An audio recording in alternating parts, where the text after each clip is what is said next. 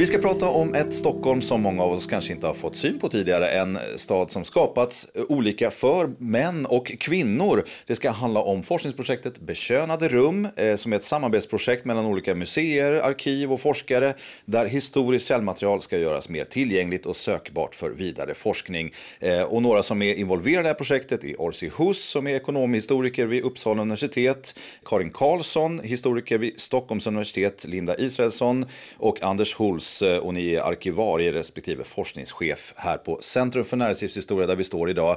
Eh, men Karin, till att börja med, eh, bekönade rum, vad är det för rum vi ska in i egentligen? Åh, det är fem olika rum som vi har som står i centrum för projektet. Mm. Och alla har olika kodning kan man säga i mm. relation till genus. Och olika gränser också.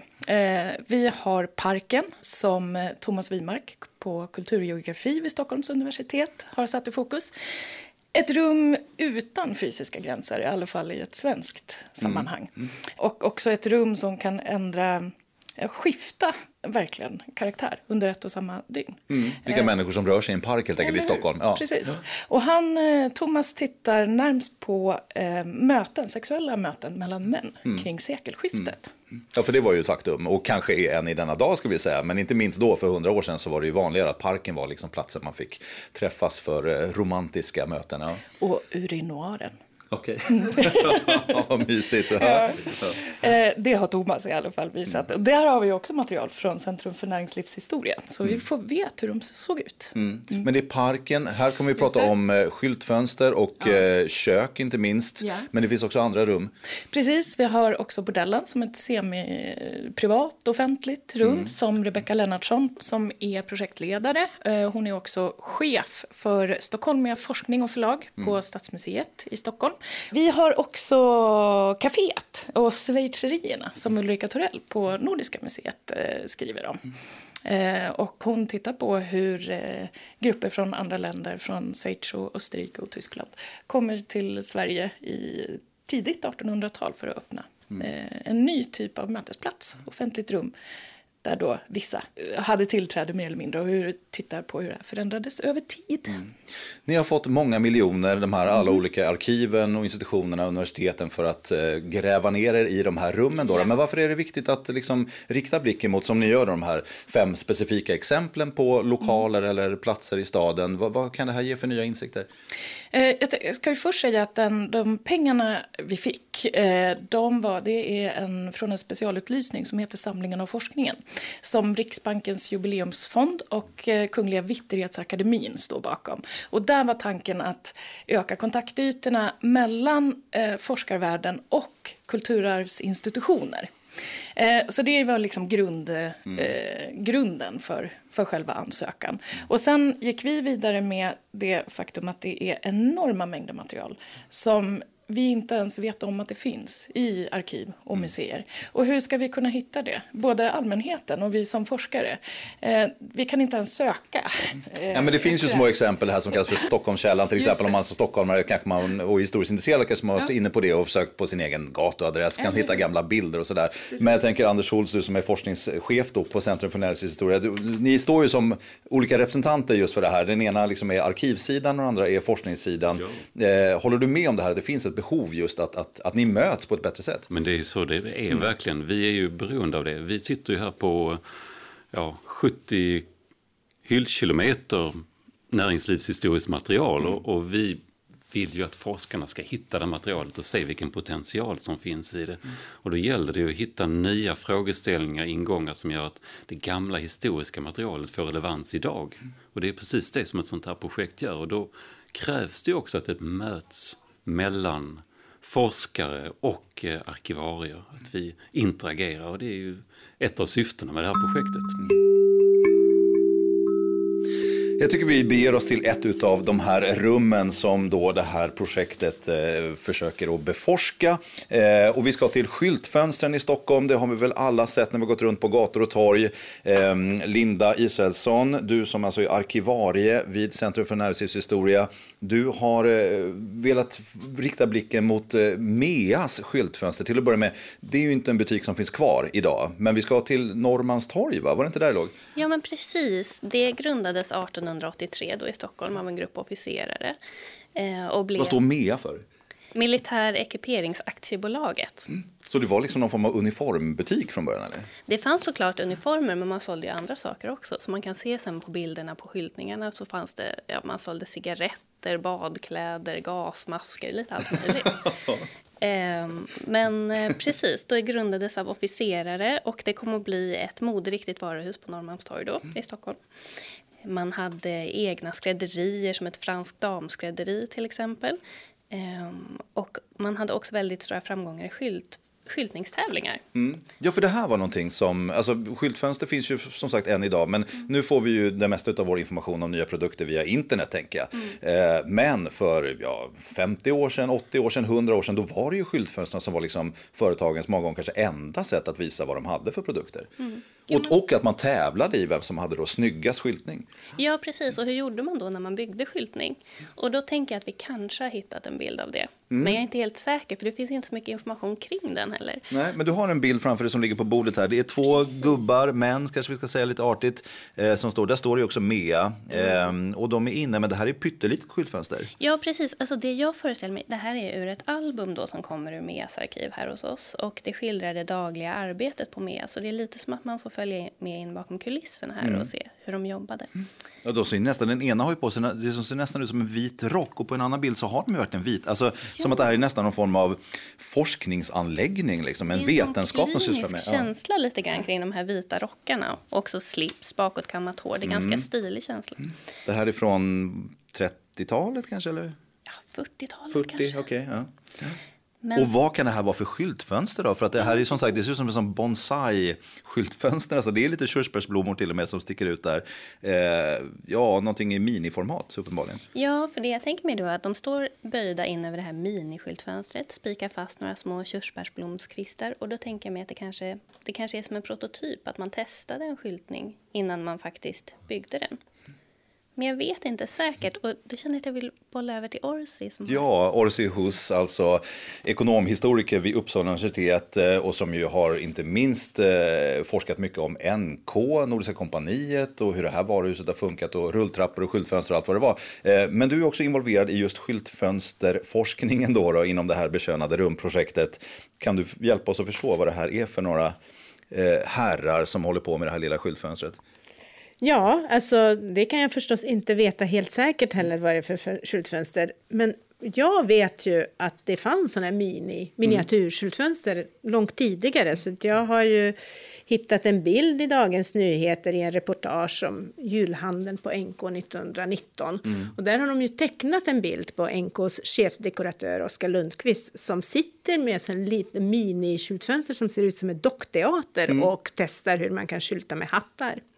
Ja, ja, som en sorts testanläggning för då ett större skyltfönster i princip. Ja, precis. Mm. Och det Men det här skulle ju kunna vara någonting som man, där man vill visa, vad vet jag, damhandskar eller armband eller någonting. Ja, men det här är ju då en, en förberedelse, det framgår i artikeln. Okay. Så där i den, den här tecknade bilden, där vet vi att sådana här miniatyrmodeller på mm. skyltfönster fanns. Mm. Och det är ju på den tiden som skylt, fönsterskyltningen börjar också professionaliseras. Nu måste jag ju återkoppla till det du sa att fönsterskyltningen kanske inte var det enda man kunde annonsera i tidningen ja, ja, också. Det fanns ju tidningar på den tiden. Och, ja. eh, tidningar var också viktiga i samband med de här fönsterskjutningstävlingar som vi har pratat om. Och det är väldigt mycket på 20 och 30-talet, mellankrigstiden Sverige, där fönsterskjutningen blir riktigt stort. Alltså det blir liksom verkligen guldålder för mm. fönsterskjutningen.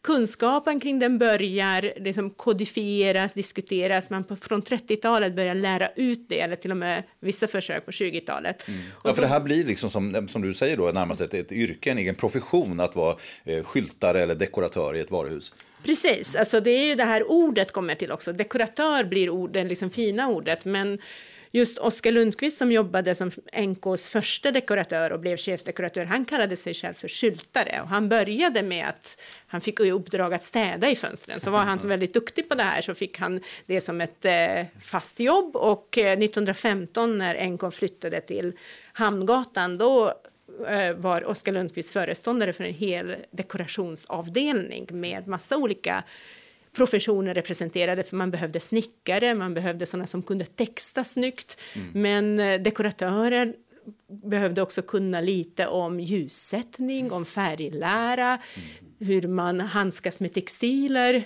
och lite om eh, psykologi och lite som, alltså, som är också viktigt för den framväxande reklam. Ja, jag tänker det, det är som en blandning av reklamvärlden, av scenkonstens värld, filmens Absolut. kanske. Det är så mycket som ja, bland, sammanblandas där egentligen i ett skyltfönster. Det mest kända idag är ju förstås NKs tror jag, just julskyltning. Det är väl det vi, de flesta av oss tänker på. Men, men visst, det finns ju överallt. Ja, och det här blir ju en viktigt rum i staden, men man ska kanske inte tänka så att alla skyltfönster såg ut som NKs julskyltfönster. Eh, det fanns ju små butiker med fönster, fönster som egentligen från början kanske inte var byggda för att bli skyltfönster. Och det sker en, en förändring under den här perioden, på 30-talet och framåt, att man bygger om. Eh, helt enkelt. Alltså, eh, skyltfönstren. Alltså de ska gå längre ner mot gatan, mm. de ska ha ett visst djup så att man ska kunna eh, skylta i de här. Och de små butikerna förklarar sig så gott de kan, de mindre fönster, och då är de moderna förpackningar intressanta, för då genom att placera snygga moderna förpackningar i enligt de här kunskaperna som man fick lära sig och läsa i eh, specialtidningar om eh, fönsterskyltning, då kunde man få ett modernt skyltfönster även i en gammal butik. Och eh, man utbildade också handlare ute på landet. Eh, Oskar Lundqvist som vi har skrivit om, han åkte ut, åkte runt i Sverige under mellankrigstiden. Han har varit på över 80 ställen och höll kurser för eh, lanthandlare och butiksägare och deras biträden om eh, hur man skulle skylta på ett mm. eh, rätt sätt. Så det blir någonting som är en egen, egen profession, egen kunskap, tidningar, skolor. Ja, samtidigt så visar ju du i, i en av dina forskningsartiklar då hur konjunkturerna skiftar. Alltså det går upp och upp och upp under 20-30-talet eh, och sen, men sen börjar det ju dala. Så att eh, liksom, från och med efterkrigstiden och fram till våra dagar så har ju skyltfönstret uppenbarligen tappat allt mer av sin mm. funktion, verkar det som.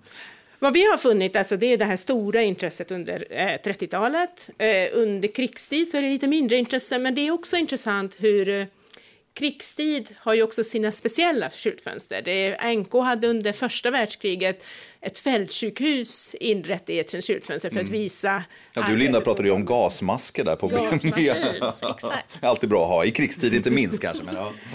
Eh, 1941, där i slutet av augusti, så hade Mias skyltfönster en Finlandsskyltning som för att visa solidaritet med eh, Finland.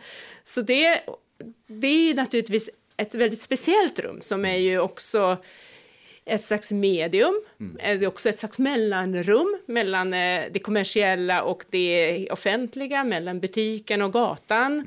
mellan kunden och försäljaren, alltså det innan man går in. Det, det finns ju väldigt mycket intressant att tänka kring de här skyltfönstren. Och mycket intressant att ta reda på. Det som ligger på bordet här, förutom den här fina fotoboken från MEA, är ju också MEAs eh, skyltdagbok, för sånt skulle man tydligen föra då. då. Eh, man bläddrar här, ja du får öppna den, jag har mm. mikrofonen i handen. Eh, där står det liksom vecka för vecka. Eh, det tycks man att man har ett, två, tre, fyra. Det är fyra olika skyltfönster. Och så står det herrekipering, eh, det är spel, herrkonfektioner, Barklänningstyger. Ja. Alltså det här, man kan undra vad, ska, vad man kan lära sig av Damskor, den här ja.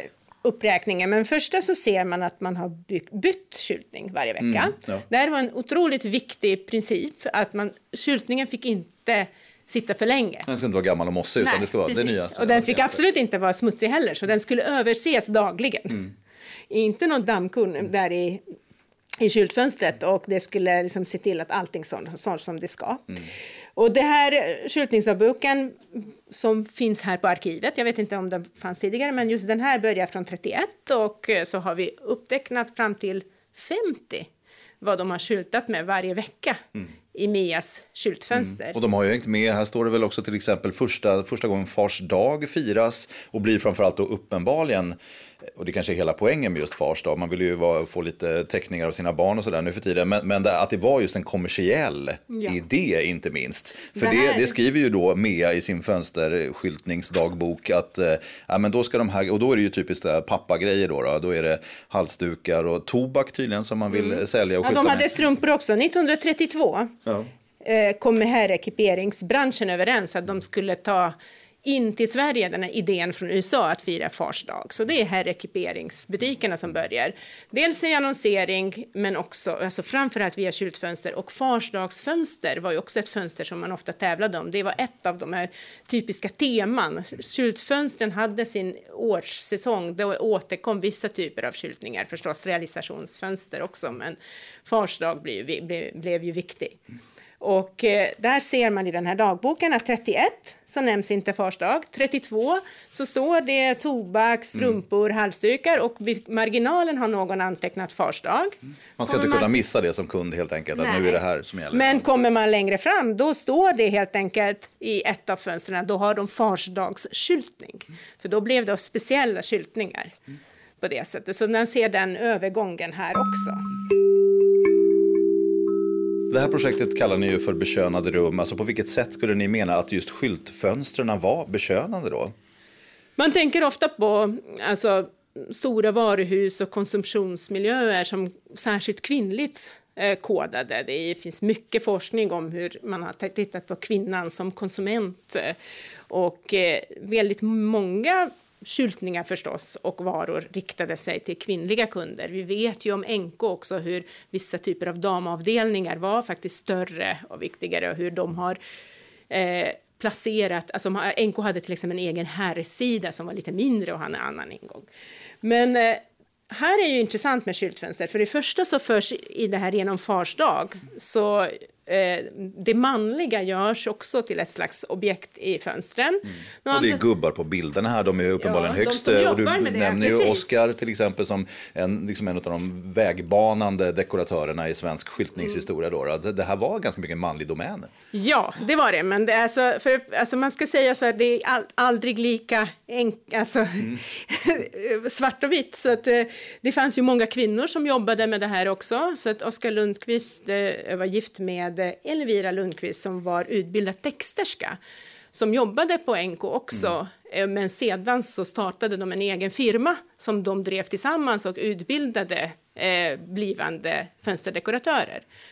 Och då vet vi om de här kurserna. Där fanns ju alltid rätt många kvinnliga studenter, kanske inte i majoritet men en bra tredjedel av studenterna. Så det, är ju också, det riktade sig till butiksbiträden ofta också. Så då finns en, kvinnlig, en ökande kvinnlig intresse. Och det ser man ju på 50-talet att där blir det kanske lite större inslag där det mm. kvinnliga bland studenter av fönsterskjutning. Men eh, med Fars dag är också komplicerat för alltså man säger att ja, men mannen blev ju då utställd och liksom gjordes till till någon sorts objekt i de här fönstren. Men samtidigt så var den typiska slogan från 30-talet var ge, ge till den som ger. Ja, just det. och då ser man ju också det här eh, lite, alltså mm. eh, olika lager på det här bekörningen i Det funkar inte li riktigt lika bra idag den sloganen, men det, det kanske finns kvar i något skyndsfönster någonstans. Ja, jag vill bara säga att om man är nyfiken på hur de här skyltningarna kan ha sett ut, till exempel Fars dag och så, så har vi jättemycket bilder på det här hos oss i mm. arkivet. Och det är väl hela meningen egentligen med, med det här projektet, att det, det ska vara lättare för forskare, ja. inte minst, men också för en intresserad allmänhet att kunna titta på allt det här som, som vi pratar om. Och det är därför vi digitaliserar jättemycket material inom det här projektet, för att det ska bli mer lättillgängligt. Så det är bara att höra av sig till oss om man är sugen på att se mer av det här materialet. Det säger Linda Israelsson vid Centrum för näringslivshistoria. Du hörde också Orsi Hus vid Uppsala universitet. Men vi flyttar från skyltfönstren in i köken. Eh, Karin Karlsson igen, alltså historiker vid Stockholms universitet. Eh, du har intresserat dig för detta rum som ju är så självklart för oss alla, som vi alla är inne i, no. åtminstone någon gång per dag hoppas man ju. Eh, vad är det för speciellt med just köken då i Stockholm? Och I det här projektet så har jag faktiskt lämnat köket nästan och kollat på köksingången. Eh, vägen in i köket? Vägen in i. Och jag tittar egentligen på och undersöker gränsen mellan det privata rummet och staden. Mm. Och under eh, sekelskiftet så kan vi se hur de eh, borgerliga våningarna växer och de blir också fler. Eh, och gränsen mellan det privata och det offentliga blir mycket starkare. Mm. Ja, för om man någonsin har varit inne i en våning i Stockholm Stockholm eller någon annan stad för den delen också. Så jag minns själv mina farföräldrars eh, sån här lägenhet i, eh, på Hantverkargatan, Kungsholmen. Och då var det ju så att eh, deras kök hade en dörr ut i något separat trapphus. Det var ju uppenbarligen då köksingången. Alltså hur spännande som helst. Hur, vad, hur såg den ut undrar jag? Nej men den var ju lite mindre, den var ju absolut inte pampig och jag kommer ihåg just den här trappan när jag var litet barn, man tittade ner, men dörren öppnades ibland, någon skulle, farfar skulle ner och hämta ved eller någonting. Det var ju, nej det var mörkt, jag tror knappt ens att det fanns någon, det måste ha funnits belysning, men det var, det var lite sådär en helt annan värld som man inte riktigt var välkommen i. Det var inte tänkt att man skulle vara där som Nej. besökare, utan då var det de här lite mer salongerna då som man skulle vistas i. För det blir ju intressant, vilka är det som kommer in den vägen? Mm. Vilka, vilka forslas in där och vilka kommer in via portvakten och den stora entrén? Mm. Så här kommer ju staden in på olika sätt, det som man ville hålla utanför.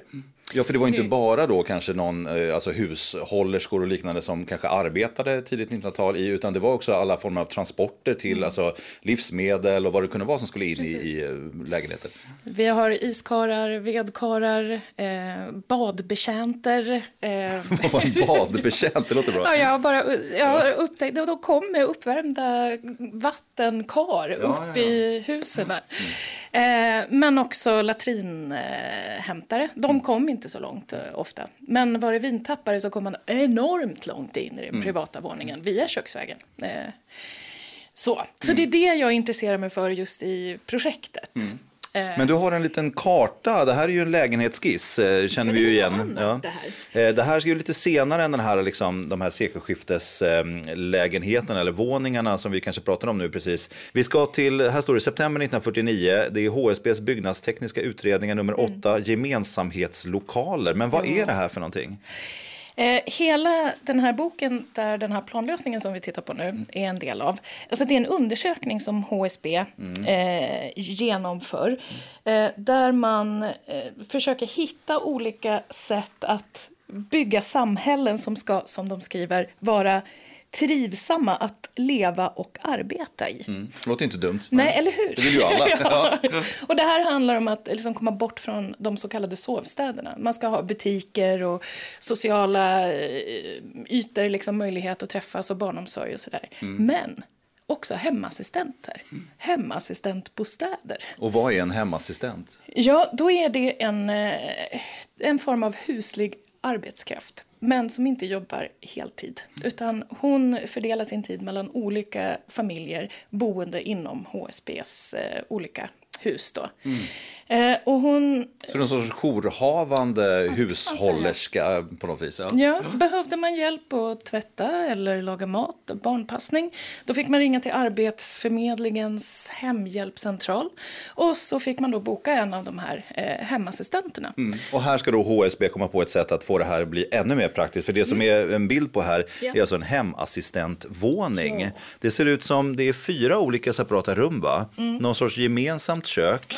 Och här är det tänkt att det ska bo, alltså vadå, fyra olika hemassistenter. Exakt. Och det här är då i ett komplex på Reimersholme eh, där de då bor i anslutning till andra, kanske större lägenheter med människor som skulle kunna ha behov av sådana här hemassistenter. Precis.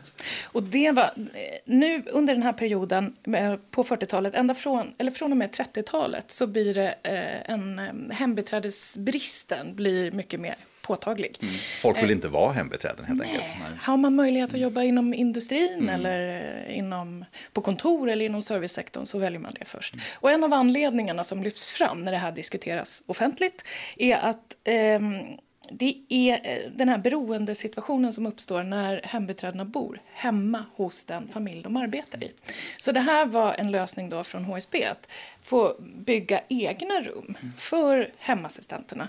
Så att Ja, man inte får ett steg lite längre bort ifrån de här familjerna helt enkelt. För det kunde vara problem som du säger då, då med som hemassistent att man, man kom liksom lite för nära, blev jobbigt med vad vet jag, alla bråk som finns i vilka familjer som helst, men skvaller och hur det nu kunde vara. Precis. För det här var ju en lösning som i, sen i praktiken inte fungerade. De familjer som eh, anlitade de här hemassistenterna de sparade ju det tyngsta och jobbigaste och mest slitsamma arbetet. Det var då de bad om hjälp. Eh, och det innebar att hemassistenterna for från hushåll till hushåll och utförde ba, enbart tunga sysslor under hela sin arbetsdag. Det blev ju mycket slitsamt.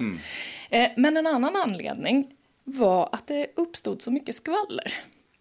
Hemassistenterna hade tystnadsplikt. De fick inte berätta vad som skedde i familjerna och så. Eh, och, eh, eh det är både i den här utredningen som vi har framför oss nu men också i en offentlig utredning som kommer 1952 eh, så tar man upp det faktum eh, att det skvallras. Mm. och det är, man menar dels att när hemassistenterna samlas då på ett och samma ställe. Att mm, ja, de bor ju så nära varandra, det är ju som perfekt för eh, skvaller. Ja, så samlas de då i mm. köket och vill väl, tänker jag också, diskutera sin arbetsdag. Mm. Hur har det mm. varit? Hur har du haft det idag? Mm. Och det får de egentligen kanske inte riktigt göra då? Nej, och jag har faktiskt ett, ska vi se här, några citat Eh, och då skriver man i utredningen från 52 att eh, eh, när de lär känna de här familjerna så väl och umgås med sina kollegor så sätts ofta denna tystnadsplikt på onödigt hårda prov. Risken för att uttala omdömen av olika slag föres vidare är under sådana förhållanden synnerligen stor. ja. Mm. Men så det här är, man får säga att det var ett, ett misslyckande från HSB då, då, alltså det som byggs här i, i slutet på 40-talet på Reimersholme, det blir aldrig en succé. Nej, Nej, det ja. var ju ett led i tiden. Man är kvar i en bilden av att man behövde, familjerna behövde eh, huslig arbetskraft, alltså mm. alltså hjälp med vissa sysslor mm. för att få vardagen att fungera. Så man är Men med liksom 40-50-talets eh, och 60 så framtida sociala reformer så ja. blir ju det här behovet mindre och mindre får man säga också. Och idag så är väl de här lägenheterna, den mån de finns kvar på Reimers, är väl så små ettor med kokvrår där det bor vanligt folk om man säger så, mm. inga hemassistenter i alla fall. Nej, redan på 50-talet så, så var det många av hemassistentrummen då som inte beboddes av hemassistenter. Eh, vissa hyrdes ut till heltidsarbetande hembiträden som arbetade åt en och samma familj. Mm. Men också till helt andra. Eh, då fick man betala lite mer. Men bor, man, okay, men bor man i sånt här, eh, en sån här lägenhet idag så kanske man inte ens vet att det här är ett så pass, får man lov att säga då, bekönat rum som det ändå uppenbarligen är. Nej, och nu vet, nu vet jag faktiskt inte om eh, den här typen av planlösningen som, som vi kikar på nu är precis intakt så här eller Nej. om man har byggt om det mm. i våningarna. Vi får åka dit och kika. Mm. För det kan också vara fallet med de här tidigare, alltså sekelskiftes köksingångarna som du är så intresserad av. Ja. Att de börjar också bli färre och färre. Egentligen ett, ett hotat kulturarv kanske vi får kalla det för. När stora våningar vill bli ändå lite större, kanske bila bort den här idag väldigt onödiga kökstrappan då, då ner i någon sorts källare. Det kan man göra liksom till några fler dyrbara kvadratmeter istället. Ja, precis så. Mm. Glömda rum och förändrade också. Mm. Ja. Och bekönade förstås. Och, och eh, den här eh, kartan eller lägenhetsskissen, eh, Anders Holtz, eh, du som alltså är forskningschef på Centrum för näringslivshistoria, den har vi hittat förstås i era arkiv där det finns så mycket mer. Och du har hittat någonting annat som har med köket att göra. Det här är reklam va? Ja, för Agaspisen. Ja, jag ville plocka fram en, en, ja, vad ska vi säga, en svensk designklassiker får mm. man nog påstå. Mm. och det här är hämtat ifrån just aktiebolaget Gas Accumulators stora arkiv här hos oss. Och, eh, det är faktiskt det allra första reklamprospektet för Agaspisen. Agaspisen den var ju upp, uppfunnen av eh, Gustav Dahlén, den kände uppfinnaren. Mm. Eh, och eh, Nobelpristagaren och allt möjligt. Och mm. som, lite som ett sidoprojekt bestämde sig för att designa en ny gjutjärnsspis. Och, eh, det här höll han på med under lång tid av 20-talet och 1929 var det klart. Mm. Och det jag håller i här är alltså det första prospektet mm. när man lanserade det här. Mm. Agaspisen avsedd för hushåll av upp till 12 personer. Och det förstår man nästan när man ser den här pjäsen. Det finns en fin eh, svartvit bild på det där också. Där står det, ja, är det husmor själv eller kanske då en hemassistent eller på att säga. Som, det skulle jag tro. Ja, mm. men hon står där och den är enorm alltså. Den är enorm. Den, ja. den väger alltså över ett halvt ton. Så mm. det här är ingenting man släpper in på vilka bjälklag som helst. Och den var dyr. Och den var dyr. Ja. Alltså det här är en spis som kostade 900 kronor när man köpte den vid den här tiden. Och det motsvarar minst 4-5 månadslöner för en industriarbetare. Mm. Det här var en statuspryl. Mm. Och, och, köket är ju fullt av statusprylar, eller hur? Och idag är det uppenbart för oss, men så var det uppenbarligen även på 20-talet. Mm. Och eh, den här spisen, den är, den är gjord för de som har råd den är väldigt billig i drift när man väl har haft eh, möjlighet att köpa en. Mm. För det är det som är grejen med en agaspis än idag egentligen. För de finns ju kvar, görs ju numera i England, men att de håller värmen så bra. Alltså de är en ständig värmekälla kanske för, för köket, för lägenheten, men också att maten tillagas på ett väldigt stabilt sätt. Precis, du har ju hela tiden värmen där så att du får ju, du kan vrida upp värmen mm. Eh, omgående på den. Och samtidigt så värmer du ju vatten, vilket ju var en viktig faktor på mm. 20-talet förstås. Så det är en väldigt finurlig lösning måste man säga. Mm. Men på vilket sätt tycker du att det här är ett exempel på ett bekönat rum? För att här ser vi ju förstås en kvinna som står vid spisen bokstavligt talat på den här bilden. Ja. Men du har ju också, det här är ju någon annan, eh, det är från mm. Agas eh, företagsarkiv det här va? Det stämmer bra det. Det, är det. det här är alltså, efter något år så, så samlade man in omdömen eftersom det här var en speciell produkt så samlar man in eh, omdömen av köpare. Mm, man vill ju veta vad folk tyckte helt enkelt. Exakt. Ja. Boken heter Ägarna anser. Jag kan ju läsa ett, ett litet mm. exempel här på hur man argumenterar för förträffligheten med mm. Hagaspisen. Hämtat ifrån Katthammarsvik i, på Gotland. Mm. Då står det så här. Min hustru och undertecknad är fullt belåtna med vår agaspisel och hava vi på grund av anskaffandet av densamma ej saknat vårt hembiträde som avflyttade den 1 oktober 1931. Innan hon reste sa hon när jag en gång gifter mig ska jag för mina besparingar inköpa en Aga spisel. Mm. Vilken succé! Undertecknat ja. Sture Falke, rentier. Ja. Just det, och det här är från februari 1932 som han skriver, så han har klarat sig ett halvår utan hembiträde till och med med ja. hjälp av den här Hagaspisen. Precis, ja, personalen var alltså då eh, överflödig. Ja. Exakt. Va? Och jag har lite reklam som talar lite grann i samma riktning, från samma tid. Eh, och där ser vi en bild. Pigan kommer, pigan går. Men Finns det en agaspis så stannar hon. Exakt. Så argumenterar man för att där det finns en agaspis, där kan man behålla sitt, eh, sin anställda mm, Det blir inte lika jobbigt för pigan att laga mat helt enkelt. Nej, Nej. precis. Och då så står det, agaspisen som eldas med koks brinner dygnet runt så att pigan behöver ej tända upp om morgnarna. Den gör tre fjärdedelar av matlagningen utan tillsyn. Så att hon hinner hjälpa till på åkern. Ja, det här var ju intressant att höra om de här dåtida kundrecensioner som också används i reklamen och det mm. visar också hur det här kopplas samman, eh, alltså våra projekt kan kopplas samman för det här agaspisen var ju en typisk märkesvara som man gärna då hade i skyltfönster. Mm. Mm. Och då kommer agaspisen in i skyltfönstret men agaspisen är också en lösning på hembiträdesfrågan och eh, allt det här ser vi i arkivmaterialet genom de här kopplingarna. Jag tänkte just avsluta diskussionen egentligen som vi har haft här nu med de här exemplen som ni har. Alltså vad, eh, vad det är för nya vägar in att förstå en stad som Stockholm då, med hjälp av era olika projekt med skyltfönster, blickar och med köksingångar. Alltså hur, hur kommer vi närmre och kanske får andra vägar in i vår stad, eh, Karin? Vårt samhälle är fullt av olika rum, både offentliga som till synes ska vara tillgängliga för alla grupper i samhället och sen privata som vi själva ska ha då, eh, som är våra mm. bara. Men vi kan ju se hur de här till synes offentliga rummen eh, inte befolkas av alla grupper i samhället och det här förändras ju över tid. Eh, och då i vissa fall även under ett och samma dygn. Och det här är ju otroligt viktiga frågor. Och de rum som vi tittar på, det är ju bara det är några exempel på alla de här rummen mm. som har olika mer eller mindre synliga gränser. Det här handlar ju också ibland konflikter mellan det kommersiella och det offentliga allmänna. För skyltfönstret för ut ett påtagligt kommersiellt budskap i gaturummet och dominerar det allt mer under den här perioden som vi tittar på.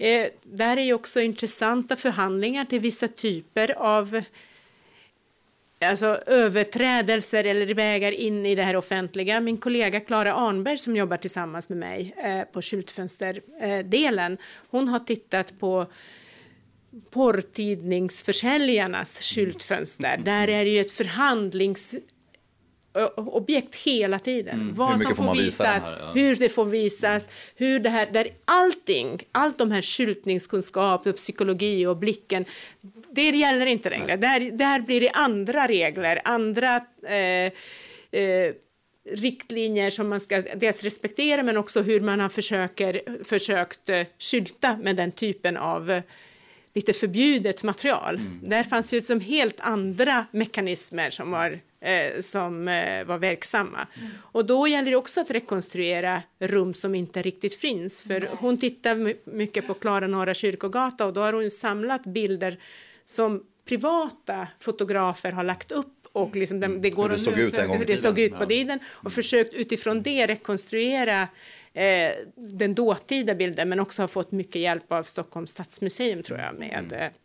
Med det här projektet. Mm. Och det är väl också en stor poäng antar jag i ett forskningsprojekt, just detta som Linda var inne på också, att eh, det finns så mycket material, mängder, kanske mm. för mycket material skulle vissa säga, på alla dessa arkiv som är inblandade, eh, som vi ska nämna snart. Eh, och att möjliggöra den här informationen för forskare förstås eh, och för en intresserad allmänhet att kunna ta del av mm. den här bekönade staden. Ja, och en, en viktig ingång som Orsi var inne på nu är och en jätteviktig fråga. Hur hittar vi information om rum i det här fallet men också företeelser som minnesinstitutioner och kulturarvsinstitutioner inte har arbetat medvetet för att samla in information om. Och här får man ju hitta andra vägar vägar eh, och ställa nya frågor till redan befintligt källmaterial men som kanske inte är insamlat i det syfte eh, som ja, i det syftet som då ska besvara våra mm. frågor och våra intressen. Mm.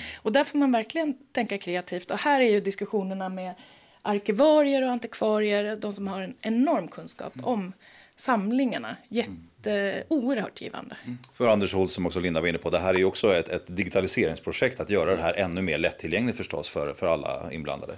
Det är ju det, och just digitaliseringen ger ju den här möjligheten som vi inte hade tidigare att hitta nya ingångar och att göra korskopplingar mellan material. Vi hade inte kunnat göra de här mötena mellan forskare och arkivarier heller om vi inte hade digitaliseringen som en sorts utgångspunkt. Den, den ger både tillgängliggörande men det lägger ju också nya dimensioner till våra material. Våra material blir ju rikare eftersom de får nya sammanhang. Vi, får, vi som minnesinstitution tar ju del av forskarnas alla kunskaper och får plötsligt ett jätterikt material. Vi lär oss massor om våra egna föremål och, och arkivalier som vi inte tidigare kände till.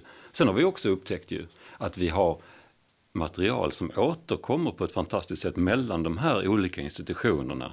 Alltså till exempel just MEA är väl ett jättebra exempel på det, ett arkiv som vi har, men det finns ju rikt MEA-material också på Nordiska museet och så finns det på Stadsmuseet dessutom. Så att det var ju någonting vi inte var medvetna om innan vi började, att, att de här materialen kan vi ju nu knyta ihop.